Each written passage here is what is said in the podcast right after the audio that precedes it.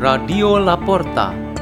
The door is open for you for the growing of knowledge and wisdom of God.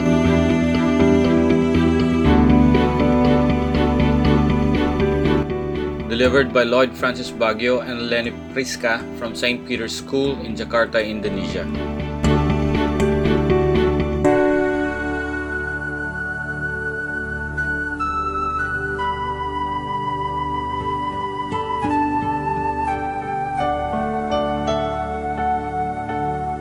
Reading and meditation on the Word of God, Friday of the 8th week in Ordinary Time, August 6, 2021, the Feast of Transfiguration of the Lord.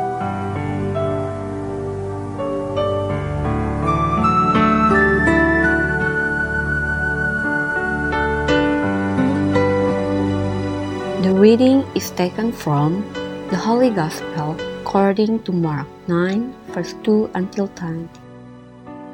Jesus took Peter, James, and his brother John and led them up a high mountain apart by themselves.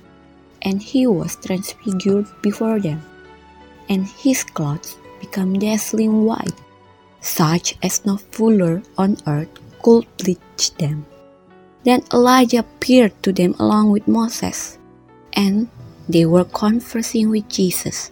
Then Peter said to Jesus in reply, Rabbi, it is good that we are here.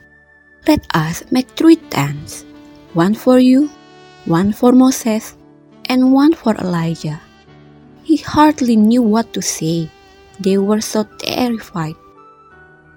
Then a cloud came, casting a shadow over them. From the cloud came a voice This is my beloved Son. Listen to him.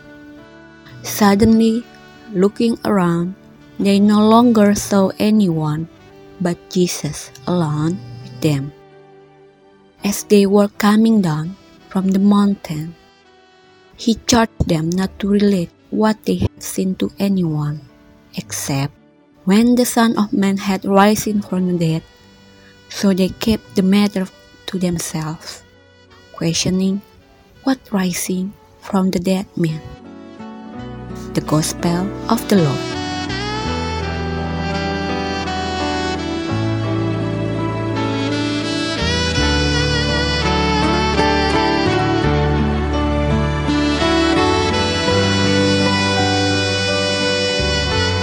Our meditation today has the theme The Attentive Eyes and Ears.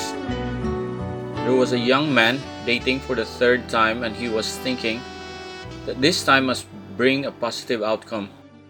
The previous two times dating have ended up sadly because there were so many discrepancies between him and the two young women. He evaluated everything regarding himself and found out that there was a shortcoming from his own that has contributed to the failure of those previous two love relationships. Then he discussed with his parents. The advice from his parents went like this Our heart's decision to say and to act is so dependent on our ability to see and to hear. Our eyes and ears must always be active to get the truth about other people whom we love.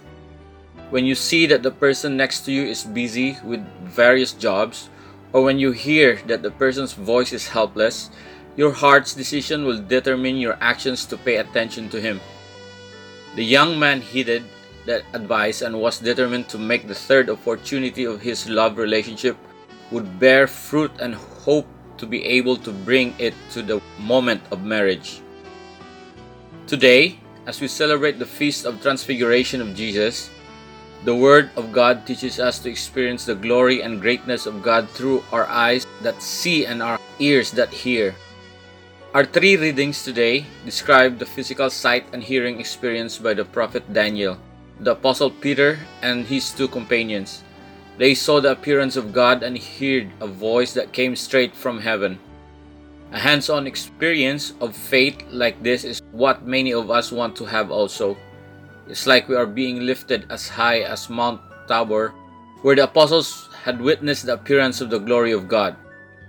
Today, almost all of our experiences of faith are indirect, but they are the events that we should perceive directly.